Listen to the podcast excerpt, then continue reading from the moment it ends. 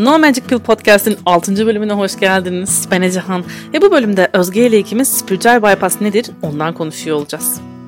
İyi düşün, iyi olsun. Positive vibes only.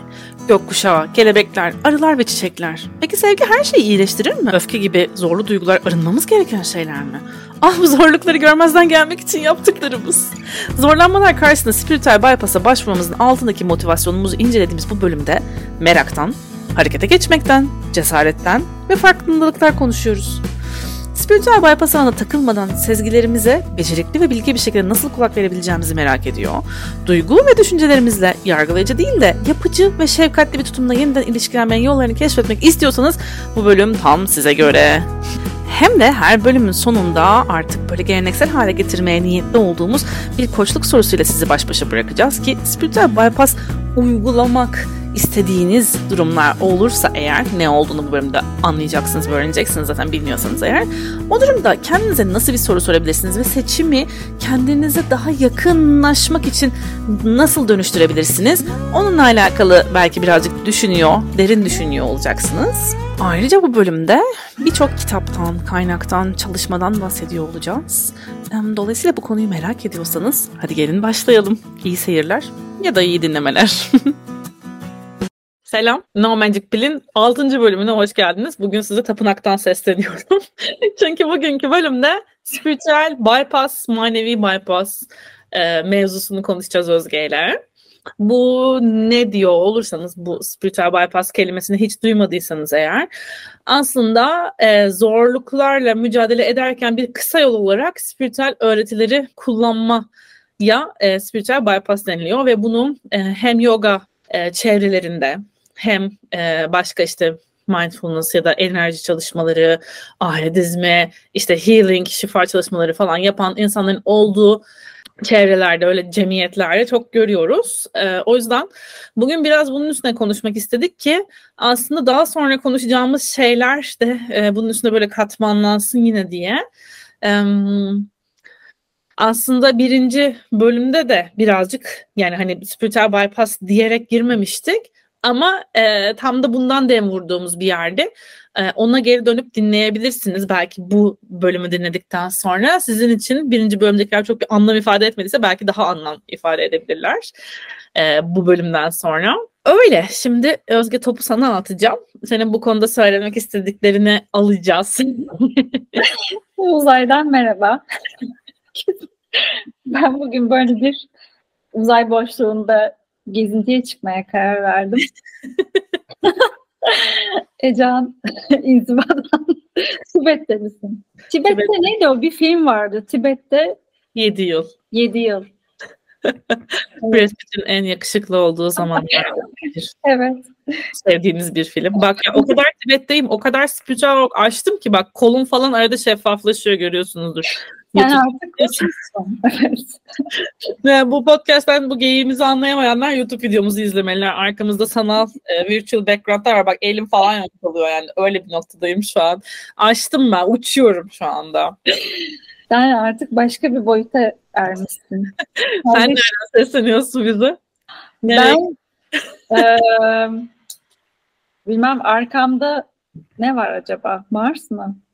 Kırmızımsı bir gezegen var. Jüpiter mi? Fikrim yok. Atıyorum şu anda. ben evrenin, evrenin karanlık köşelerinden sesleniyorum. Evet, bugün spiritüel bypass konumuz. Bu konu Ecan'ın da dediği gibi aslında birinci bölümümüzde çok da spiritüel bypass demeden konuştuğumuz böyle örneklerle verdiğimiz bir bölüm olmuştu. Ve bugün birazcık daha detaylı ve örnekli tam olarak bu neye benziyor, spiritüel bypass bizi aslında hangi açıdan e, zorluyor e, da zorlayabiliyor ve hangi açılardan belki hani taraftan da faydasını gördüğümüz bir şey. Ondan da konuşabiliriz. Hani burada konuyu böyle sadece tek bir taraftan değil de böyle farklı bakış açıları da getirmek, bizim hoşlandığımız ve sorgulamak o anlamda hoşumuza giden bir şey.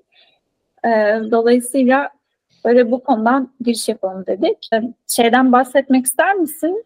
Spiritüel bypass kim tarafından ortaya çıkarıldı hani terim olarak? E, klinik psikolog John Wellwood tarafından 1980'lerin başında ilk kez bu terim kullanılıyor ve karmaşık psikolojik sorunları önlemek için aydınlanma açıklamalarını veya e, bu karmaşıklıklar birden fazla duyguyu aynı anda e, hissetmenin zorluğunu atmak için e, bu duygusal sorunları işlemek yerine telafi etmek amaçlı maneviyatı kullanmak anlamına geliyor. Biraz kompleks bir terim oldu.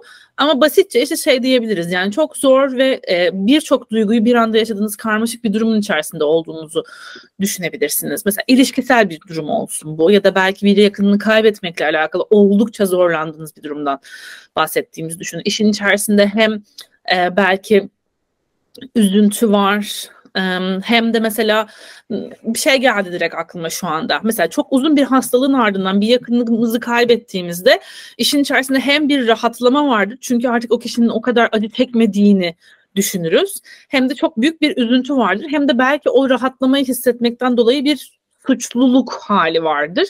Bunlar aslında hani birbirine zıt görünen çok kompleks duygular olduğu için burada belki hani şöyle bir yere gidebilir kafamız. Aa işte şimdi artık huzur içinde yatıyor, huzura erdi diyerek mesela bunu maneviyatla fıt diye atmış oluruz ve deriz ki okey oh biraz içim rahatladı. Yani bu da tam da Özge'nin dediği gibi bir taraftan hem fonksiyonel bir şey çünkü çok o zor halin içerisinden birden böyle hani suyun altına diye nefes alır gibi dışarı çıkmamı sağlıyor ve normal bir fonksiyon göstermemi sağlıyor. Ama öte yandan aslında benim duygumu işleme yükümlülüğünden de beni kurtarıyor ve hani bu karmaşık duyguları niye bir arada hissediyorum ve bu beni niye bu kadar zorluyor yu e, sorgulamamın da önüne ket vurmuş oluyor. Oldukça aslında örnek üstünden basitçe böyle açıklayabiliriz ki tahmin ediyorum birçok kişinin de hayatında yaşadığı bir durumdur bu örnek ya da başka bir versiyonu. Ee, bunu tanımlamak amacıyla bu spiritual bypass terimini John Wellwood dediğim gibi kullanmaya başlamış. Bunun devamında ve başka yaptığım araştırmalarda şundan bahsediyorlardı. Yani spiritüel bypass duygusal, zihinsel veya yaşamsal zorlukları çözmek yerine spiritüel inançları kullanarak bastırma ve kaçma eğilimini ifade eder. Bu da aslında bir direnç, bir, bir savunma mekanizmasıdır deniyordu. Sorunlarla yüzleşmek daha zor ve uzun süren bir şey olduğu için daha kısa yollar aramanın da oldukça aslında insani bir şey olduğundan bahsediyordu ama bazen işte işimize yarayabiliyor. Bazen kendi duygularımızın önünde ya da kişisel gelişimimizin, büyümemizin önünde de bir engel olabiliyor. Senin katkı sağlayacağın bir şey var mı bu konuda? Senin dediğin gibi aslında bir savunma mekanizması görevi de görüyor. Yani zor bir durumla karşılaştığımızda o e, içimizi ferahlatmak, biraz içimize su serpmek için kullandığımız söylemler de olabiliyor. Aslında yayına başlamadan önce, kayıt almaya başlamadan önce Elan'la da konuşuyorduk. Biz hangi söylemlere böyle maruz kaldık ya da ne, ne tarz söylemleri kendi kendimize söyledik e, böyle zorlandığımız zamanlarda. Ve aslında benim de e, okuduğum kadarıyla e, merkezinde bir anlam arayışı barındırıyor gibi. Yani bütün bu yap, yapılan eylemler yaşanan zorluğu ve getirdiği duyguları ya da düşünceleri tam anlamıyla entegre etmeden genel deneyimimize e, onları yaşamadan spiritüel öğretilerle veya bu manevi öğretiler, başka öğretiler de olabilir, dini öğretiler de olabilir. Onlarla e, biraz oradan anlam hı hı. yakalayıp e, geçiştirmek gibi. Yani hani o zorlanmayı tam anlamıyla hissetmeden ya da oradaki hani insan olmanın, insanlık, insan olma deneyiminin zaten var olan zorluğunu ve insan olma deneyimiyle gelen acıyı e, kabul etmemiz de aslında araştırmalar gösteriyor ki yaşadığımız zorluğu hafifleten bir şey ama burada spiritüel bypass'ta o zorluğu biraz kabullenmektense görmezden gelip ona onun etrafında böyle bir e, işte saydan bir böyle hmm. yaratıp e, şöyle anlamı var. İşte bu bu demek. Ee, ne bileyim başka daha zor hayatlarla kendi hayatımızı, kendi zorla zorlanmalarımızı kıyaslamak buna örnek olarak geliyor aklıma. Ee, işte olumlu olmaya vurgu. Yani ben spiritüel bir insansam mesela hep iyi düşünmeliyim, olumlu olmalıyım. İşte Ecem bir örnek vermişti. Herkese hoşgörüyle yaklaşmalıyım. Öfkelenemem, sinirlenemem. Ee, onlardan da bahsetmiştik. Bunlar aslında o insan olmanın doğasına bir taraftan da aykırı şeyler gibi geliyor ve orada aslında işlenmemiş, orada yaşanmamış, e, hissedilmemiş duygular bir anlamda bastırılmış duygu gibi de kalıyor herhalde. Sen ne dersin? Evet evet katılıyorum. Bir taraftan da şey hoşuma gitti şey söylemen. Anlam arıyoruz ya biz her zaman zaten hayatımızı yaşayabilmek için bir anlamı olduğuna inanmaya ihtiyacımız var. Burada da bir anlam arama arzusu bende. E, yani böyle düşünmemiştim ilk başta sen söylediğin zaman bunu düşünmeye başladım. Çok da mantıklı geldi. Yani niye aslında manevi çalışmalara, spiritüel çalışmalara bu kadar yöneliyoruz. Çünkü hayatın bir anlamı olduğuna inanmaya ihtiyacımız var. Onu anlamlı bir şekilde yaşamaya ihtiyacımız var. Zaten felsefe falan da hep bunun üstüne kurulu değil mi? Yani hayatın amacı, anlamı, erdemler nedir? Onları anlamak üstüne e, kafamız çalışıyor belki ilk çağlardan beri diyebiliriz. E, ama buradaki anlam evet tam da senin dediğin gibi Özge böyle şey daha bir baloncuk içerisinde var olan daha sığlaştırılmış ve insanın insan olma deneyimini tam anlamıyla ifade etmeyen sadece bazı kavramlarla kısıtlı kalmış bir anlamlandırma hali oluyor. İşte mesela e, duygusal olarak olgun bir insan her zaman işte sabırlıdır. İşte ne bileyim ben çok e, dini bütün bir kişi işte her şeyi hoş görür e, olabilir. Böyle hani kalıp yargılardan oluşuyor. Yani bu kalıp yargılar da bizim kendimizi tam olarak e, deneyimleme ve ifade etme yöntemimizi pardon deneyimleme ve ifade etme halimizi biraz blokluyor gibi düşünüyorum ben bir taraftan da. Yani hani burada böyle bir spiritüel bypass'ın bence ciddi anlamdaki olumsuz taraflarından bir tanesi bu. insanlık deneyimimizi diminiş ediyor yani böyle küçültüyor, azaltıyor gibi hissediyorum. Evet kesinlikle katılıyorum o kısmına. İlk bölümde de kaydettiğimiz bölümde de şey örneğini vermiştim zaten. Ee, bu eski zamanlarda geleneksel yoga pratikleri yapan, e, yogik pratikler yapan kişilerin bedenden özgürleşme amaçlarıyla ilgili böyle e, bir örnek vermiştim. Şimdi o geldi aklıma. Ama burada bir taraftan da bedenliyiz ve e, hayattan, insandan bahsettiğimizde tek bir komponentten, bileşenden oluşmuyor. Yani evet spiritüellik, manevi duygular bunların insan psikolojisinde o iyi oluş halinde çok faydalı, olumlu etkileri var. Zaten bunlar araştırılıyor pozitif psikoloji ekolünde hı hı. E, bir tarafta.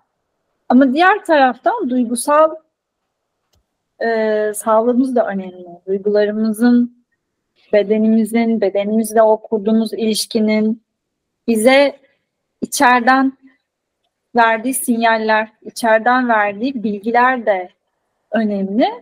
İşte biz bu spiritüel pratikleri ya da e, diğer manevi çalışmaları bu bedenden veya duygularımızla bize ulaşan o bilgileri e, override etmek için ya da işte onları bypass etmek için kullandığımızda bir şeyleri görmezden gelmiş oluyoruz ve tam anlamıyla da orada aranan şey bir çözümlenme tırnak içinde ya da tırnak içinde yine bir iyileşme, e, rahatlama veya neyse orada hedeflenen şey ona da tam anlamıyla aslında ulaşamamış oluyoruz. Çünkü ağırlık spiritüel tarafta oluyor ya da manevi tarafta oluyor ama hani fiziksel, duygusal diğer şeyler de insan deneyiminin içerisinde olan şeyler. Hani orada bir dengeyi tutturmanın öneminden bahsediyordu benim okuduğum kaynaklarda da.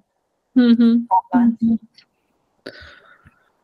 Ben de şey şimdi böyle yine aldığım notlara bakıyordum. Bu konuyla alakalı araştırma yaparken Türkçe neler konuşulmuş bu mevzuda diye şey buldum. E, Kıvılcım Kıran diye birisi var belki duymuşsundur sen de. Hem kendisi evet. e, klinik psikolog hem de mindfulness eğitmeni. e, o bir post yapmış bu konuda ve şöyle birkaç tane şey söylemiş. Yani spiritüel bypass yapma eğilimimizin altında hangi nedenler yatıyor olabilir diye böyle ufak bir liste yapmış. Benim çok hoşuma gitti. Oldukça böyle hızlı dört maddede özetlemiş gibi geldi. Onları e, okumak isterim. Bizim konuştuğumuz şeylerle de eş düşüyor zaten. Birinci olarak spiritüel öğretilerde bunu duymak iyi geldi mesela bana. Ee, birisi ya da sizden kuvvetli bir güç size bir şey yapıyor. Mesela sorununuz sizinle başlamamıştır, atalardan miras kalmıştır. Yaşadıklarınız sizin de parçası olduğunuz sorunlar değildir, zaten kader planınız böyledir. Böylece sorumluluk almaktan almaktan kaçınmanız kolaylaşır demiş mesela. Bunu duymak bana çok iyi geldi çünkü bu çokça da konuştuğumuz da bir şey böyle birisi bize bir şey yaptı ve bizim bunda bir suçumuz yok isimli şey bence Türk toplumunda çok da sıkça gördüğümüz de bir bahane gibi geliyor bana. İkincisi acı, hüsran, korku ve diğer olumsuz duygulardan kaçınma bir başka sebebi. E, dolayısıyla tüm canlılar çünkü acıdan kaçınmak ister diyor e, Kıvılcım Hanım. Zorluklarla yüzleşmek, bazen kendi hatamızı, bazen çevremizdekilerin ya da sistemin hatasını görmek, acıyı kabul edebilmek ve taşıyabilmek zor çünkü. O yüzden spiritüel bypass'a başvuruyoruz diyor. Bir sonraki bence wellness kültüründe inanılmaz gördüğümüz şey aşırı mutluluk ve pozitiflik arayışı ki bu konuda Özge e, belki de işte daha önce de bahsetmiştir bölümlerin bir tanesinde Russ Harris'in Mutluluk Tuzağı e, kitabında bahsedilen hani böyle sürekli mutluluğu ve iyi olma halini arama saplantımızdan belki birazcık bahsedebilir. Eğer ki varsa öyle bir şey size.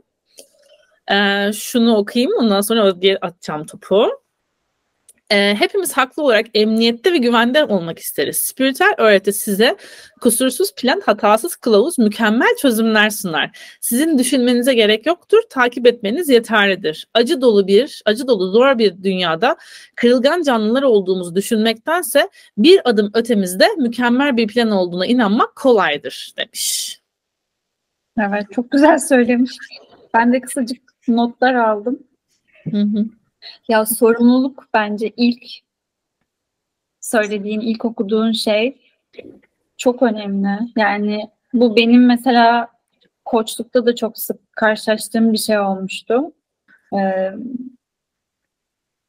bir şekilde bu her zaman spiritüel bir yerden de gelmiyor ama inançlarımız, düşüncelerimiz, e, zihnimizin işte işleyiş şekli ve bu maruz kaldığımız söylemler bizi e, sorumluluk almaktan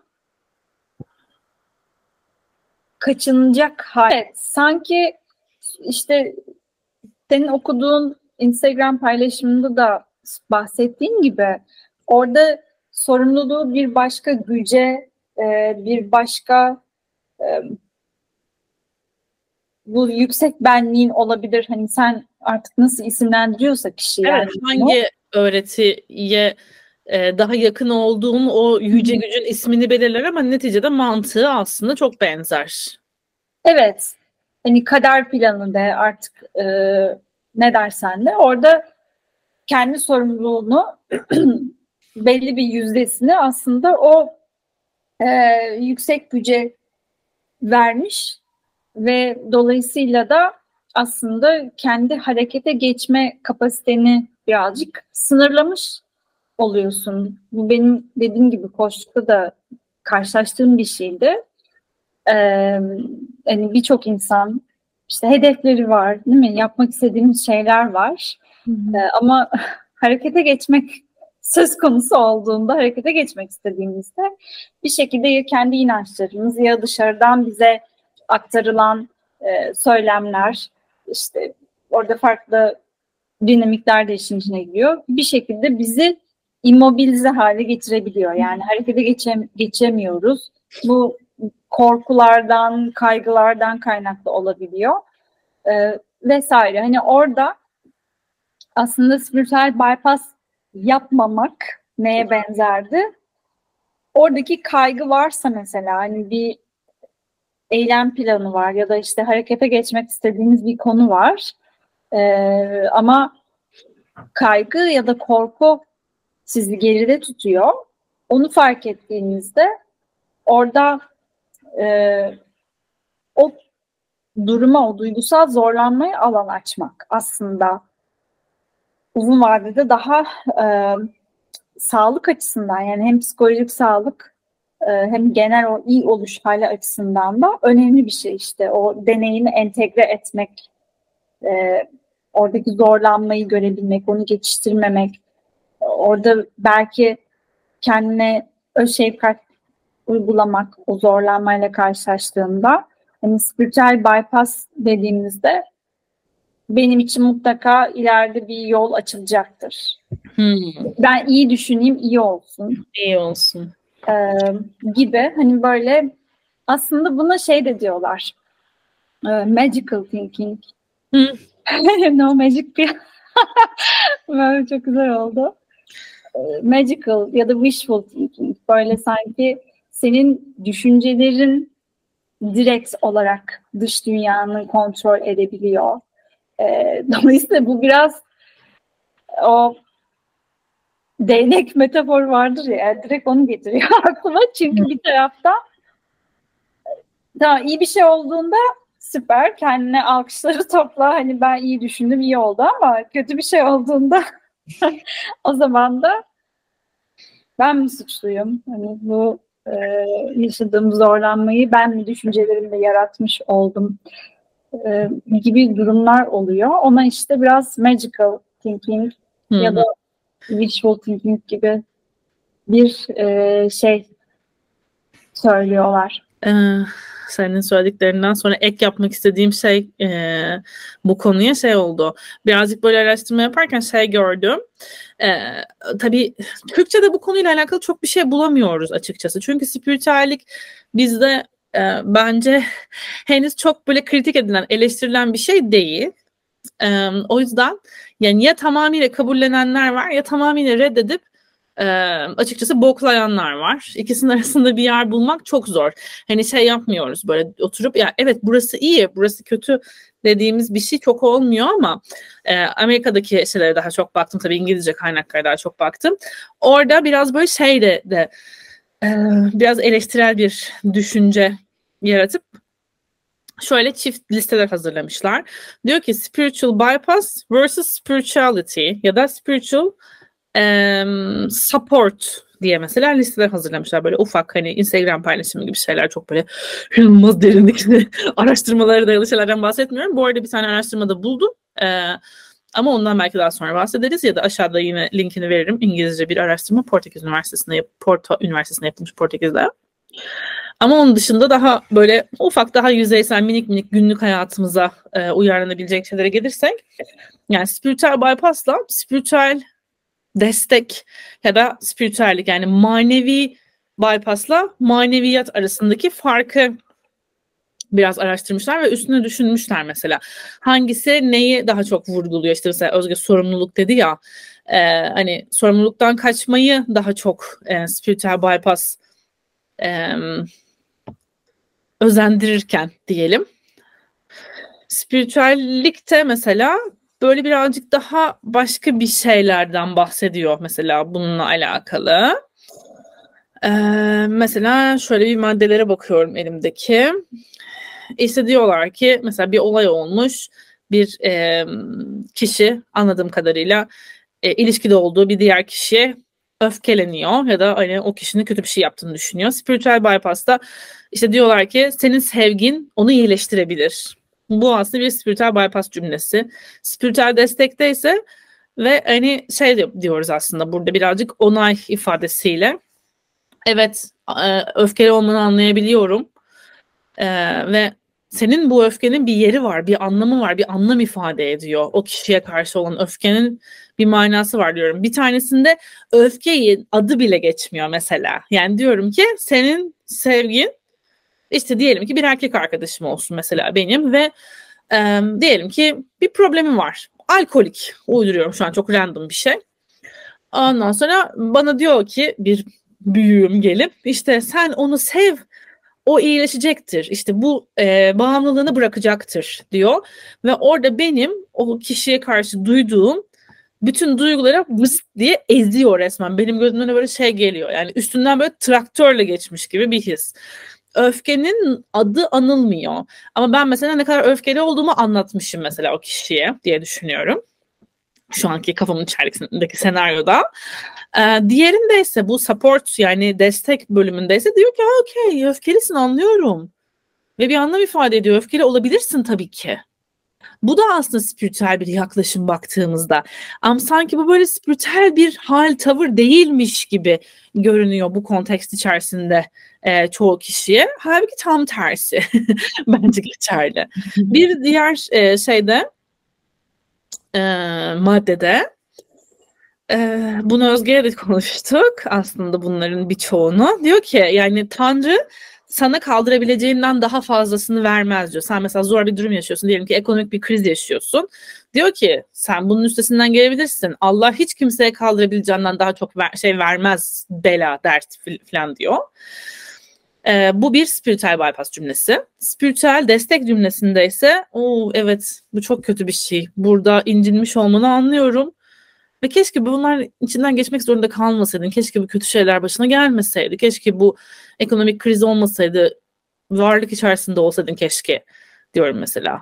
Bu bir spiritüel destek cümlesi. Bu çokça duyduğumuz şeylerden bir tanesi bence Türkiye'de de. Yani bu spiritüel bypass cümlesi. Allah kimseye kaldırabileceğinden daha fazlasını vermez. Ya da böyle senin bebek sahibi olmanı istiyordur mesela ailen bebek rızkıyla gelir falan derler. o bu ekonomik kriz içerisinde evet evet her bebek rızkıyla gelir falan. Yani hani onun yerine aslında cümle belki spiritüel destekte şey olabilir. Evet ekonomik kriz içerisinde olmak zor ama hala buna rağmen bir bebek sahibi olmak istiyor olabilirsin ve bu manalı olabilir ki burada da bir önceki bölümümüze çapa atıyorum. YouTube'daysanız şuralarda bir yerde bir önceki bölümün linkini bulursunuz muhtemelen. Ebeveynlikle alakalı. Ee, böyle böyle bu listeler gidiyor yani aradaki farkı yakalamışsınızdır diye düşünerek buradan topu şuraya atmak istedim Özge. Ee, mindfulness, öz şefkat çalışmaları yapan bir mindfulness koçu olarak zaten koçluktaki gördüğün şeylerden çok bahsettin. Hani insanlar e, nerede nasıl e, paternler birazcık böyle gösterdiler. Azıcık kavradık sanırım spiritüel bypass anlamında ama e, Tam da bu spiritüel bypass'ın aksi işte bu spiritüel desteği yapmak için mindfulness, öz şefkat çalışmaları ya da koçluk pratikleri mesela bize nasıl yardımcı olabilir sence?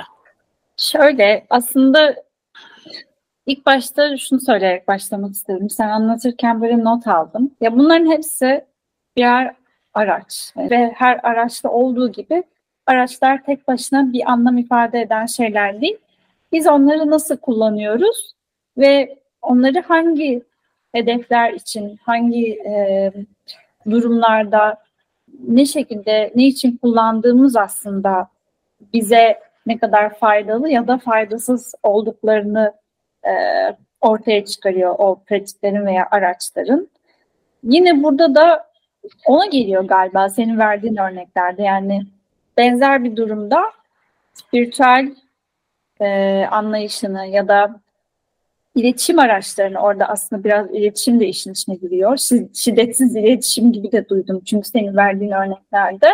O iletişimi nasıl kullandığın önemli. Mindfulness zaten göz yummamak ya da işte e, bir şeyleri tam olarak bypass etmemek. yani mindfulness var olan şeyi olduğu haliyle görebilmek aslında. Ona yorum katmadan, onu etiketlemeden, ona bir iyi veya kötü o ahlaki değerlendirmeleri yapıştırmadan duruma, olaya, kişiye neyse buradan bahsettiğimiz konu mindfulness olanı olduğu şekliyle görebilmek. şefkat aslında o, o şeyde gördüğümüz şeyde nasıl bir iletişim kurduğumuzla ilgili de diyebiliriz.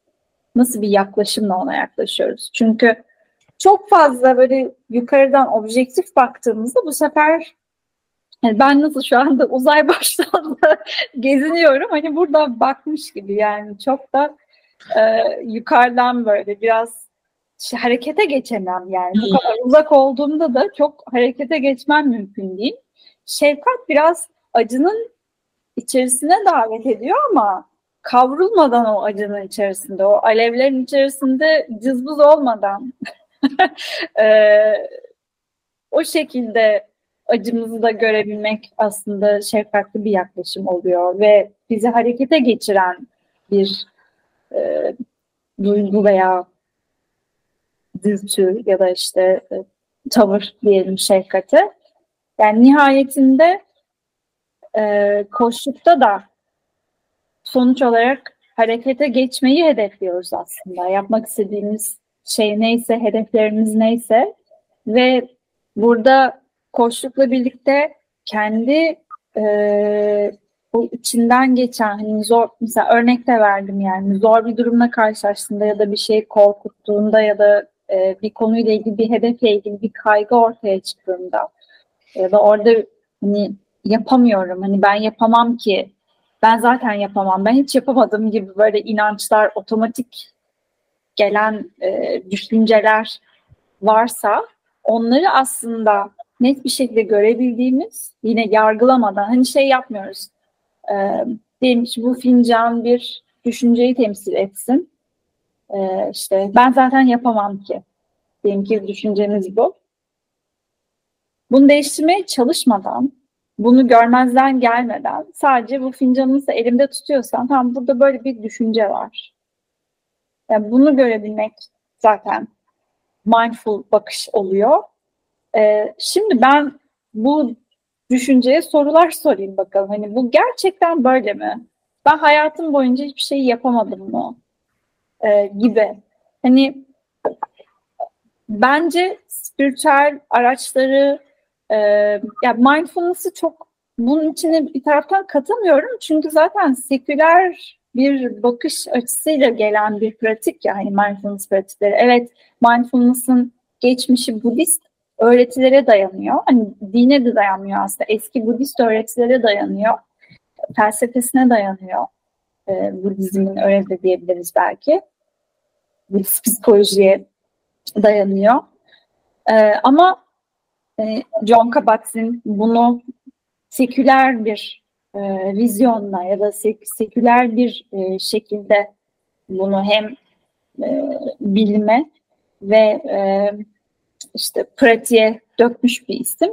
Dolayısıyla hani tam da spiritüel çalışmaların içinde katamıyorum mindfulness'ı. Hmm. Mindfulness meditasyonları da ayrı çünkü hani bin bir çeşit meditasyon var. Ee, ama destek hani bu araçlar bize nasıl destek olabilir konusunda e, mindfulness olanı olduğu şekilde görebilmemizi destekleyecektir.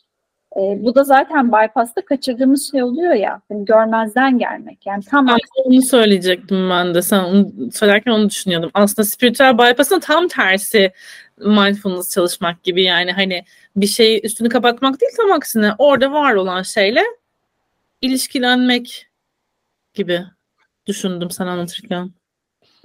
Evet ve o ilişkiyi nasıl yönetebileceğimizin bizim de elimizde ve yeri geldiğinde bizim de sorumluluğumuzda olduğunu hatırlamak da çok önemli.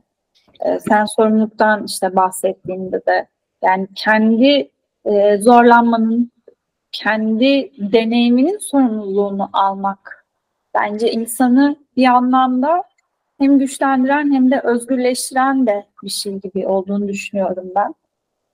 Ee, ama öbür türlü biz kendi gücümüzü başka bir e, yüce güce onunla bağladığımızda yani arada o sıkı e, bir bağ yarattığımızda orada kendimizi ayrıştırıp hani ben nerede başlıyorum ve bu inandığım şey nerede bitiyor? O nerede başlıyor, ben nerede bitiyorum? Yani oradaki sınır, sınırlar bulanıklaşıyor gibi geliyor.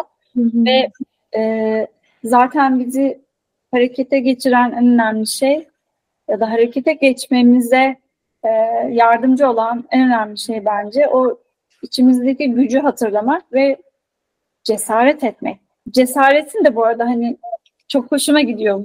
Bir anda aklıma geldi. Fransızca'da e, daha doğrusu İngilizce'de courage zaten cesaret ama courage Fransızca kör kelimesinden geliyor. O da kalp demek. Yani kalpten hareket etmek. Gerçek anlamda senin için anlamlı olan bir yerden hareket etmek. Orada uzun vadede gelişimi, dönüşümü destekleyen bir şey de aynı zamanda. Ama biz gücümüzü başka e, şeylere verdiğimizde başka e, dediğim gibi işte o yüce güçte işte her ne demek istiyorsan onlarla çok fazla entegre ettiğimizde kendimizi ayrıştıramayacak noktaya geldiğimizde e, orada biraz gücümüzden de ödün vermiş oluyoruz gibi düşünüyorum şey geldi tam aklıma sen bunları anlatırken. Tam da bizim buna uygun böyle bir atasözümüz gibi bir şey de var ya. Eşeğini sağlam kazığa bağla sonra Allah'a dua et diye. Tam da öyle yani hani sen kendini tabii ki bu tam bunun için söylenmiş bir şey olmasa da aslında evet yani hayatta bir şeye ulaşmak için bir hedefe ulaşmak için önce sen elinden geleni yap. Ondan sonra da eğer ki böyle bir inancın varsa Sonra da geri kalan işte evrene olsun, Allah'a olsun, ne bileyim ben yüce gücün neyse ee, ona bırak yani. Ondan sonrasını bırakmak istiyorsan bırak. Ama önce sen kendin elinden geleni yap. O Özgen de dediği gibi o sorumluluğu al. Harekete geçirmek için kendine o belki işte koçlukta da çok üstüne konuştuğumuz o hedef planını, o harekete geçme planını, o adımları gerçekleştirmeye başla. Ondan sonra yapmaya başladığında da böyle çok e, tam böyle şey de değil. Böyle sımsıkı e, materyalizme tutunmak da değil. Yani böyle ya da kendi sorumluluklarımıza evet ben bunu yapacağım ve bütün ipler benim elimde de değil. Çünkü orası da çok kontrolcü bir yere gidiyor ve orası da aslında hayır o kadar da değil yani. Hani her şey de bizim elimizde değil tabii ki. Bir sürü komponent var. Belki bunlardan bir tanesi sizin inancınız varsa gerçekten dini bir takım ya da spiritüel bir takım öğeler, yüce güçler olabilir eğer ki buna inanıyorsanız ya da olayların gidişatı olarak da bunu düşünebilirsiniz. Ee, başka bir şeylere de bağlı yani bizim dışımızda bir, şey, bir takım şeylere de bağlı ama e, kendimizi küçültmemizi sebebiyet verebiliyor bence işte bu spiritüel bypass. Yani sanki benim olayların üstünde hiçbir gücüm yokmuş ve her şey o higher power, yüksek güçlere bağlıymış ve benim bu hayatta hiçbir manam yokmuş gibi bir yere gidebiliyor ki orası oldukça tedirgin edici ve e, iş, işlevselliğimizi de yitirmemize sebebiyet veren bir yer gibi düşünüyorum. O yüzden eşeğimizi önce sağlam kazığa bağlarsak sonra istediğimiz kadar Allah dua etmemizde herhangi bir sakınca olduğuna inanmıyorum yani. Bu burada da şey de e, savunmuyoruz bu arada. Hani ilk başta da konuştuğumuz üzere hani biz bir şey eleştirel gözle bakmaktan hoşlanıyoruz ama bu onu ya da bunu tamamıyla reddettiğimiz anlamına da gelmiyor. Elbette ki bir spiritüel öğretiye inanmakta bir sakınca yok. Bunlar bizi hani kişisel gelişim anlamında da duygusal anlamda da çok destekleyebilen e, öğretiler, çalışmalar olabiliyor, inançlar olabiliyor. E, ama öte yandan da evet bir şeye inanırken onun onu sorgulamak da aslında o inancımıza dahil olabilir. Çünkü bir şey sorgulamadan ona inandığımızda o biraz artık orada tatsız bir hal alabiliyor. Yani bunu bir sürü Netflix belgeselinde görebilirsiniz. Dini cemaatlerin, tarikatların e, ya da işte böyle spiritüel tarikatların e, insanlara neler yaptırdığına dair çok fazla elimizde done var.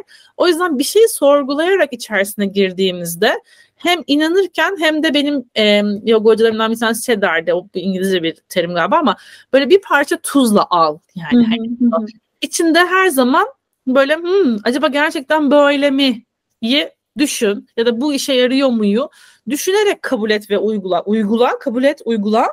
Ama o aklında hep o böyle minik tuz tanesi olsun yani. O orada onu ekmeğe hazır beklet böyle. Ee, ve böylelikle aslında hem kendini korumuş oluyorsun bence. E, abuse edilmekten, istismar edilmekten. Çünkü spiritüel inançların özellikle insanları maddi manevi çok e, istismar edebildiğini görüyoruz. Bunun üstüne hatta konuşmaya da düşündük. E, bir tane Netflix belgeseli vardı. İlişkilerle alakalı konuştuğumuzda bunun üstüne konuşuruz diye düşündük. Twin Flame miydi? Neydi? Şey, Twin Flame'lerle işte bu. Ne İkiz ruhlarla alakalı bir cemiyet gibi bir şey oluşuyor. Ondan da bahsedeceğiz ama e, tam da böyle orada insanları ne kadar istismar ettiklerini apaçık görüyorsunuz. Hani bu spiritüel öğretilerle. Spiritüel öğretilerle. o yüzden e, evet bir şeye inanmak ve bunu pratik etmekte hiçbir sakınca yok ama dikkatli olmakta ve evet bu benim işime yarıyor mu? Neden böyle söylüyorum? Niye böyle bir şeye inanıyorum? Bu gerçekten benim inancım mı yoksa bir şekilde bana empoze mi edildi? Bunu böyle hep arka planda döndürmekte fayda var diye düşünüyorum ben kişisel olarak. Şimdi benim sana bir sorum var. sor sor sor. Dışa vurumcu sanat bu anlamda bize nasıl fayda sağlayabilir? Ya bu benim bölümden önce de çok düşündüğüm bir şey oldu. Çünkü benim öğrendiğim ekollerde diyeyim e, farkındalıkla sanat çalışıyorum. Ben bu arada bilmeyenler için sanat terapi eğitimlerini de aldığımda e, şey çok konuşuluyor. Hatta daha çok yakın bir zamanda benim hocalarımdan bir tanesi tinsellik ve sanat terapisi adı altında bir eğitim de açtı. Maalesef ben bu sefer katılamadım. Umarım bir de bir sonraki sefer katılırım. Kendisi mindfulness çalışıyor. Yani klinik psikolog mindfulness alanında e, sanat terapisini geliştirmek üzere çalışıyor. Dolayısıyla bu çokça konuşulan bir şey. Yani sanat terapisi, dışarı vurumcu sanat terapinin ilk başlarından beri çok konuşulan bir şey. Yani tinsellik, maneviyat, spiritüellik bunun bir e, sanat terapisinin bir öğesi midir, bir parçası mıdır diye. E, ve yani evet bu böyledir diyen de çok da fazla kişi var. Bunu bu şekilde uygulayan da çok da fazla kişi var. Bunlardan bir tanesi birçok kişinin şu anda çok bildiği aslında sanat terapisi değil tabii ki bu ama sanatın e, dışa vurumcu bir kullanımı olarak düşünebiliriz. E, şey Julia Cameron'ın Sanatçının Yolu kitabı. Kendisi şeyden çok bahsediyor. E, işte bu eşeğimizi sağlam kazığa bağlayıp sonra dua etme mevzusundan.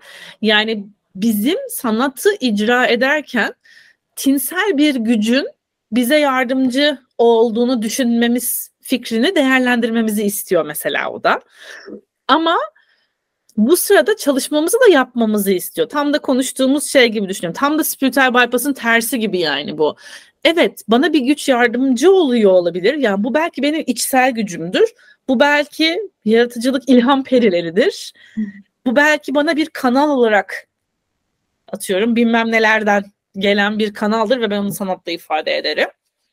Her neyse yani sen hem böyle bir gücün varlığına inanırken hem de bu günlük hayattaki pratiklerini büyük bir disiplinle gerçekleştirebilirsin diyor e, Julia Cameron bu kitapta sanatçının yolunu okumadıysanız hiç şimdiye kadar incelemenizi tavsiye ederim. Çok güzel e, 12 haftalık bir pratik serisi. Daha çok yazma pratiklerinden, biraz böyle yaratıcı yazma pratiklerinden ve biraz derin kazma pratiklerinden oluşuyor. Ee, bizim konumuz özelinde düşünürsek sanat terapisi mesela bize nasıl yardımcı olabilir bu konuda? Aklıma evet farkındalığı daha çok kullanmak geliyor mesela benim hemen sanat yaparken farkındalığı nasıl e, kullanabiliriz? Ben kolaj tekniğini çok seviyorum. Mesela Özge de bilir. çok seviyorum. e, sezgisel kolaj denilen bir e, çalışma var. Bu e, pratik esnasında dergileri böyle karıştırıp size o anda sezgisel olarak yakın gelen imajları seçiyorsunuz, topluyorsunuz Bunları küçük böyle bir yığın haline getiriyorsunuz. Ve ondan sonra çok daha fazla üzerine düşünmeden bir kolaj meydana getiriyorsunuz. Burası daha sezgisel, daha tinsel olan kısmı aslında. Burada bir bilinmez hal var. Burasının neyin sebebiyet verdiğini bilmiyoruz. Bizim içsel psikolojik durumumuz diyebiliriz buna. Buna yine diyebiliriz yukarıdan bir böyle hani kanallandım ve bana bir imajlar serisi geldi gibi düşünebiliriz bunu eğer ki tarot ya da o, o tarzdaki şeylere böyle inanıyorsanız bu size daha yakın gelecektir. falan filan bir sürü şey düşünebiliriz bu konuyla alakalı. Burası biraz işte muamma olan kısmı. Bu kolajımızı yaptıktan sonrasında onu karşımıza alıp onunla iletişime geçtiğimiz kısımsa birazcık daha bilincimize ait olan kısım ve farkındalığımızı çalıştırmaya başladığımız kısım. Hmm, okey. Ben bu, bu bu renkleri seçmişim. Acaba niye bunları seçmiş olabilirim? Ben bu bu bu, bu imajları seçmişim. Acaba bunlar şu anda bana ne ifade ediyor deyip mesela bunu bir yazı haline dökebiliriz eğer tek başımızaysak ya da bir arkadaşımızla bu pratiği mesela yaptıysak eğer konuşabiliriz böyle bir çember formatı gibi bunu paylaşabiliriz. Ya ben böyle böyle böyle bir şey yaptım.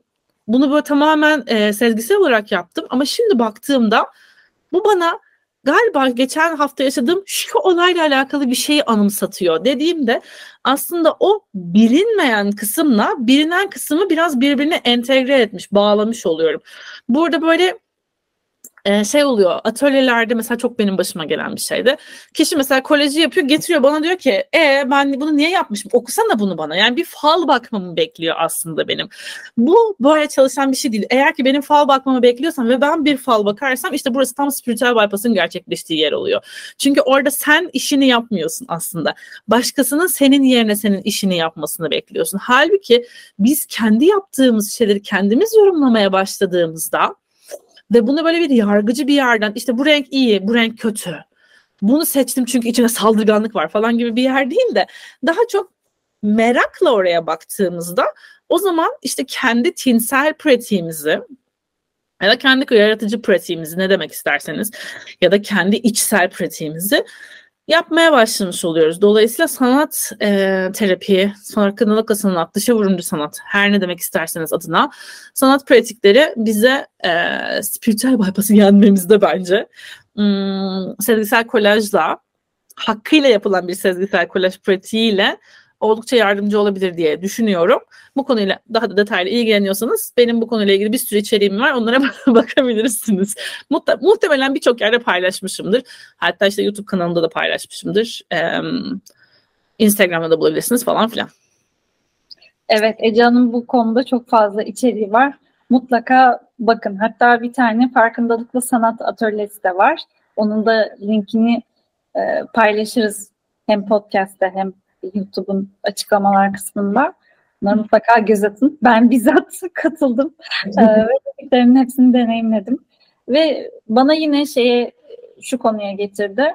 Aslında yaptığımız şeyin bizdeki ifadesi ne baktığımız o e, alanda bu sezgisel kolaj da olabilir ya da yaptığımız diğer çalışmalarla olabilir sanat terapi içerisinde e, ya da dışa vurumcu sanat içerisinde Orada dediğin gibi hani eğitmenin ya da işte seni yönlendiren kişiye gidip böyle bir fal e, baktırır gibi değil de kişinin kendi bizzat kendindeki yansımalarını orada değerlendirmesini ve buna her zaman da rasyonel değil ama daha işte sezgisel bir yerden yani. Bu ne hissettiriyor, nasıl duygular ortaya çık- çıkarıyor, nasıl imgeler, düşünceler, kelimeler, hani bunlar illa e, bir rasyonel anlam taşıyan şeyler olmak zorunda da değil mesela o alanda.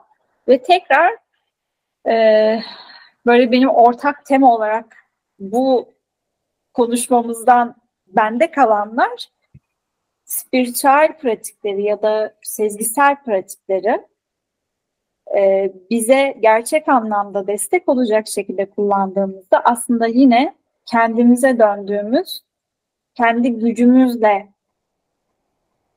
yolumuza devam ettiğimiz e, bir yere getirmesi oluyor. Oldu. bu konuşmamızdan kalanlar kendi e, tekrar kendimizle buluşturuyor gibi Evet kesinlikle katılıyorum yani bir taraftan evet bu çok e, spiritüel çalışmalar anlamlı ve faydalı yani bir anlam üretmemizde de bize yardımcı olabilen çalışmalar olabiliyor. E, ama oradaki şey bence çok önemli olan şey evet o kontrolü yani kendi aslında kontrol diyen şunu kastediyorum otonomimizi yani kendi kendimizi idare etme becerimizi bir başkasına yoruyorsak o zaman kendimizle bağı biraz yitiriyoruz. Bunu yitirmediğimizde spiritüel çalışmalar bizim için çok ciddi anlamda faydalı ve böyle hani bizi daha donatacak, daha kendimizle bağlantımızı, etrafımızla bağlantımızı, daha büyük e, insan gruplarıyla bağlantımızı tetikleyecek şeyler olabiliyor. E, bu Kıvılcım Kıran'ın, Kıran'ın postunda da en altta aidiyetten çok bahsetmişti mesela. Bir yere ait olma hissini taşıyoruz insanlar olarak. E, o aidiyet hissi illaki kısıtlı bir e, insan grubu içerisinde bulunacak bir şey anlamına gelmiyor. İlla ki bir çalışma grubumuz olması gerekiyor anlamına gelmiyor. Tam da spiritüel çalışmasını, çalışmaları bence layığıyla kullandığımızda bütün insanlığa, ortak insanlığa kendimizi bağlayabiliyoruz ve şunu görebiliyoruz. Aa okey. O da benim gibi bir insanı görebiliyoruz ve bu hani böyle şey gibi olmuyor. Ama o da böyle yaptı ama vardır onun da bir anlamı falan dediğimiz böyle yüzeysel bir yerden gelen bir şey olmuyor. Gerçekten tam da Özge'nin dediği gibi kalbimizde hissediyoruz. Aa okey ben bunu kabul etmiyorum ya da ben bunu onaylamıyorum ama ben bunun nereden geldiğini görebiliyorum. Ortak insanlığımızın farkına varıyoruz ama bunu bir bahane olarak kullanmak zorunda hissetmiyoruz kendimizi. Ya da kimsenin kullanmasına ve o şekilde de bizi istismar etmesine izin vermiyoruz. Otonomimiz bu şekilde bizim elimizde oluyor ama aynı zamanda da en büyük insanlık halinde de bağlantı halinde olabiliyoruz e, spiritüel pratikleri layığıyla kullandığımızda. Evet yavaş yavaş sonuna doğru gelirken benim de aklıma şöyle bir soru geldi. Eğer kendimizi böyle bir e, ikilemde bulursak acaba ben şu anda yaptığım şeyle spiritüel bypass mı yapıyorum yoksa e, gerçekten bana destek olacak bir şey e, mi yapıyorum diye o sorgulamayı yaşadığımızda e, Can'ın da az önce paylaştıklarıyla şöyle bir soruyu not aldım. Yaptığımız çalışma kendimizle olan bağı nasıl etkiliyor? Hmm.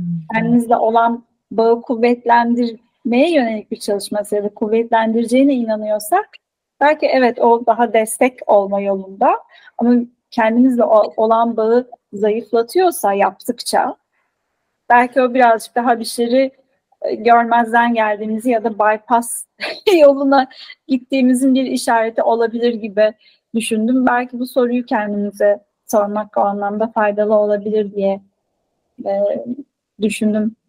Sen ne dersin? Şurada sanırım şöyle bir açıklama detayına ihtiyacım var. Kendimle olan bağın güçlendiğini ya da güçsüzleştiğini mesela sence nasıl anlayacağım? Hmm.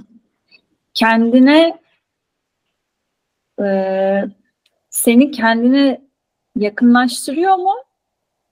Seni kendinden uzaklaştırıyor mu? Yani sen yine kendi deneyimini içeriden mi deneyimleyerek yaşıyorsun?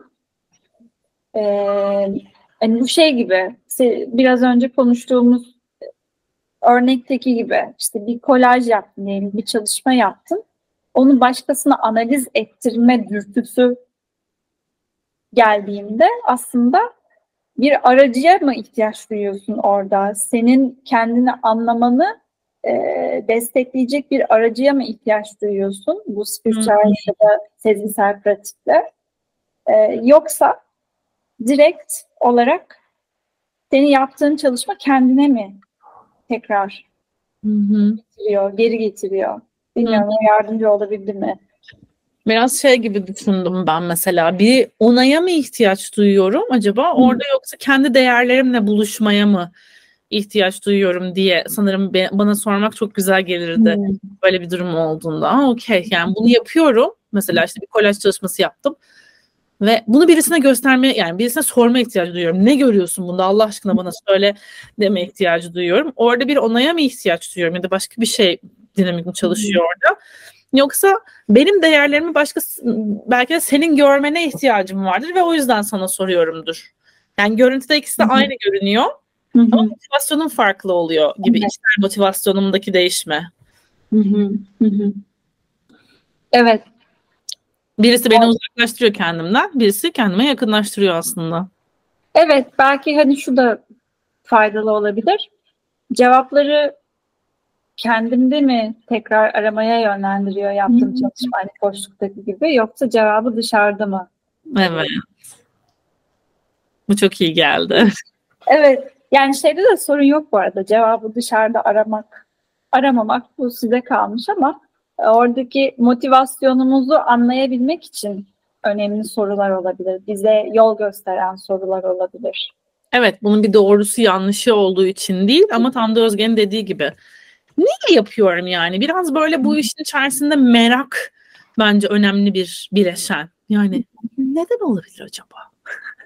O merakı her zaman diri ve dinç tutmamızı dileyerek ben bugün sessizliğe geçiş yapıyorum. Özge kapanışı da sana bırakıyorum. evet bu biraz komikli şakalı e, backgroundlarımızla umarım bizim eğlendiğimiz kadar siz de eğlenmişsinizdir. Ben de e, uzay boşluğuna geri, geri kayboluyorum. Doğru bak ben de sessizlik inzivama çekiliyorum şu anda tapınağımda. yani içsel e, şeylerimi beni yakınlaştırıyor mu yoksa beni benden uzaklaştırıyor mu? Bunu tefekkür etmek üzere tapınağıma gidiyorum şu anda. Ben de tekrar uzaya geri dönüyorum. Çok teşekkür ederiz bizi dinlediğiniz için ve izlediğiniz için. 6. bölümümüzde spiritüel bypass konusuyla e, gerçekleştirmiş olduk diyorum. Bir sonraki bölümde görüşmek üzere.